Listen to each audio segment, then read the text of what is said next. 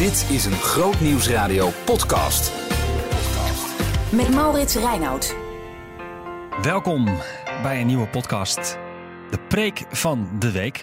Vorige week eh, de eerste aflevering op dit podcastkanaal. Uh, een preek van Arjen ten Brinke. En deze week is het de beurt aan Dick Westerkamp. Hij ging afgelopen zondag voor in de Groot Nieuwsradio Kerkdienst. Die kan je elke zondag beluisteren om 10 uur dus bij Groot Nieuwsradio. Maar ja, als je daar niet aan toe komt of omdat je zelf in de kerk zit of, uh, of je bent wat anders aan het doen en je wilt ergens door de week nog even een goede preek luisteren, ja, dan heb ik hem hier voor je. Dick Westerkamp uh, las uit Marcus 4 en het gaat eigenlijk over angst. Ik wil vandaag met u nadenken over Marcus 4, waarin Jezus een vraag stelt aan de discipelen. En de vraag is: waarom zijn jullie zo angstig? Dat komt uit het verhaal over de storm wordt meer. En dat gaan we nu eerst lezen, dat is vanaf vers 35, Marcus 4. En op die dag, toen het avond geworden was, zei Jezus tegen zijn discipelen: Laten wij overvaren naar de overkant. En ze lieten de menigte achter en ze namen hem, die al in het schip was, mee. En er waren nog andere scheepjes bij hem. En er stak een harde stormwind op en de golven sloegen over in het schip, zodat het al vol liep. En hij lag in het achterschip te slapen op een hoofdkussen. En ze wekten hem en ze zeiden tegen hem: Meester, bekommert u zich er niet om dat wij vergaan? En hij, wakker geworden, bestrafte de wind en zei tegen de zee: Zwijg, wees stil. En de wind ging liggen en er kwam een grote stilte. En Jezus zei tegen hen: Waarom zijn jullie zo angstig? Hebben jullie dan geen geloof? En zij vreesden met grote vrees en ze zeiden tegen elkaar: Wie is toch deze dat zelfs de wind en de zee hem gehoorzaam zijn? In eerste instantie is dat natuurlijk een rare vraag. Waarom zijn jullie zo bang? Het is een extreme situatie. Het zijn ervaren vissers. Ze hebben een storm zoals ze maar zelden hebben meegemaakt. Ze zijn er bijna geweest. En dan vraagt Jezus: waarom ben je bang? Even de situatie. Jezus is voortdurend bezig geweest met onderwijs. Er zijn heel veel mensen en op een bepaald moment stapt hij ook in een boot om vanuit de boot onderwijs te geven als een soort natuurlijk amfitheater. En dan aan het einde van de dag, dan lijkt het haast of het een vlucht is. Jezus stapt met zijn discipelen in een boot om naar de overkant te gaan. En daar valt hij ook uitgeput in slaap. En dan die storm, waarom het meer van Galilea ook berucht is. De Hermon, het hoge berg van ruim 2000 meter, is vlakbij en het meer ligt heel laag. Koude lucht die op warme lucht komt. Echt een storm, bakken water in het schip, geen hozen aan. En dit had het einde van het verhaal kunnen zijn, tenzij er een wonder gebeurt. Hoe gaat het nu aflopen? En Jezus slaapt maar. Hoe is dat mogelijk? Misschien geeft het u ook herkenning. Het kan soms stormen in je eigen leven. En zeker in deze tijd, de coronacrisis heeft het leven behoorlijk opgeschud. De hele wereld is anders. Misschien ben je zelf ziek geworden of je bent je baan kwijt of zelfs failliet.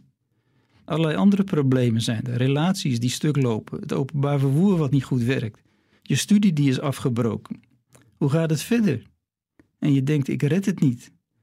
En je wordt eigenlijk een noodkreet. God, als u er bent, ziet u niks? Doet u niks? We gaan terug naar het verhaal. Ze maken Jezus wakker en Jezus is geen moment in paniek. Hij bestraft de wind, hij spreekt tot de zee alsof hij een hond zegt koest. En het effect is verbluffend. Onmiddellijk, het is volkomen stil. En dan stelt hij die vraag: Waarom zijn jullie zo bang? Angst is een vreemd iets. Het komt binnen als iets anders afwezig is. Je zou kunnen zeggen: het zoekt een vacuüm, een soort negatief geloof. Je kan je bang maken over je gezondheid, over het klimaat, over je werk. Soms is het heel concreet en soms is het ook heel vaag, een onberedeneerde angst. Angst die op je kruipt als je s'nachts wakker ligt en gewoon maar bang bent en je denkt dat het alleen maar slecht kan aflopen, dat je het niet zult volhouden en dat God je in de steek heeft gelaten. Jezus stelt nog een andere vraag. Niet alleen waarom zijn jullie zo bang, maar ook waar is jullie geloof? Wat bedoelt hij toch?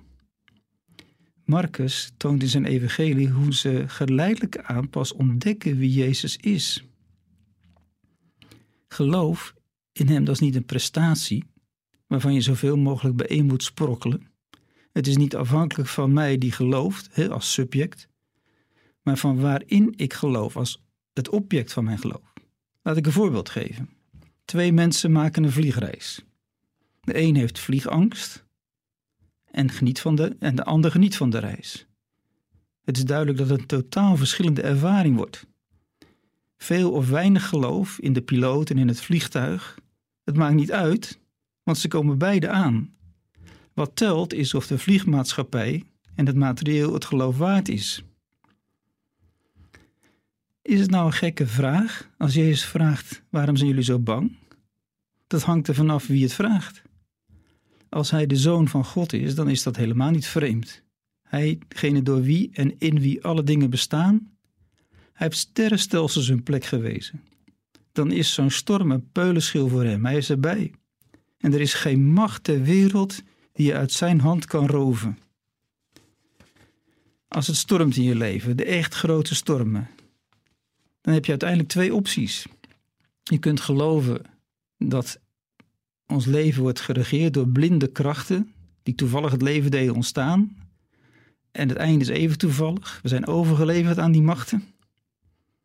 Of Jezus is werkelijk wie hij zegt te zijn. En we zijn in goede handen en hij heeft macht over de grootste storm. Dat maakt alle verschil. Jezus heeft niet alleen de macht, hij heeft ook de liefde. Daarvoor verwijs ik naar een ander verhaal, bijna identiek, uit het Oude Testament, het verhaal van Jona. Het lijkt hierop in een, hele, een heleboel details. Het gaat ook over een storm, over zeelieden die bang zijn, over Jona die slaapt en die wordt wakker gemaakt. Jona die op de vlucht is voor God en die weet dat de storm daarmee te maken heeft. En uiteindelijk ziet hij maar één oplossing. Hij moet overboord. En dat gebeurt en de storm gaat liggen. De zeelieden worden gered. En Jona wordt zelf ook gered door een grote vis. Jezus zegt ergens anders over zichzelf: meer dan Jona is hier. Toch is er een belangrijk verschil. Jezus gaat niet overboord. Of toch? Daarvoor moet je eigenlijk het hele evangelie overzien. Want de grootste storm, dat is niet het natuurgeweld. De grootste storm, dat is Gods rechtvaardig oordeel over de zonde. Over alle onrecht, martelingen, uitbuiting van mensen of van de natuur. Over alle zelfgenoegzaamheid en hypocrisie en egoïsme. En weet u, dan staan we allemaal aan de verkeerde kant. God zou volkomen terecht een einde kunnen maken aan deze hele handel hier. En nu het hart van het christelijk geloof. Er is alleen dan redding mogelijk door iemand die overboord gaat. En Jezus neemt die rol, uitgeworpen door de mensen. Daarvoor is hij gekomen om zijn leven te geven uit liefde. Hij boog zijn hoofd in de uiterste storm, de toorn van God over de zonde. Een storm die niet ging liggen totdat hij er onderdoor ging. Hij deed dat voor jou, voor mij. Waarom ben je zo bang? Dat is een rare vraag totdat je weet wie hem stelt. Jezus zegt: Als ik dit deed voor jou, zou je dan nog bang zijn?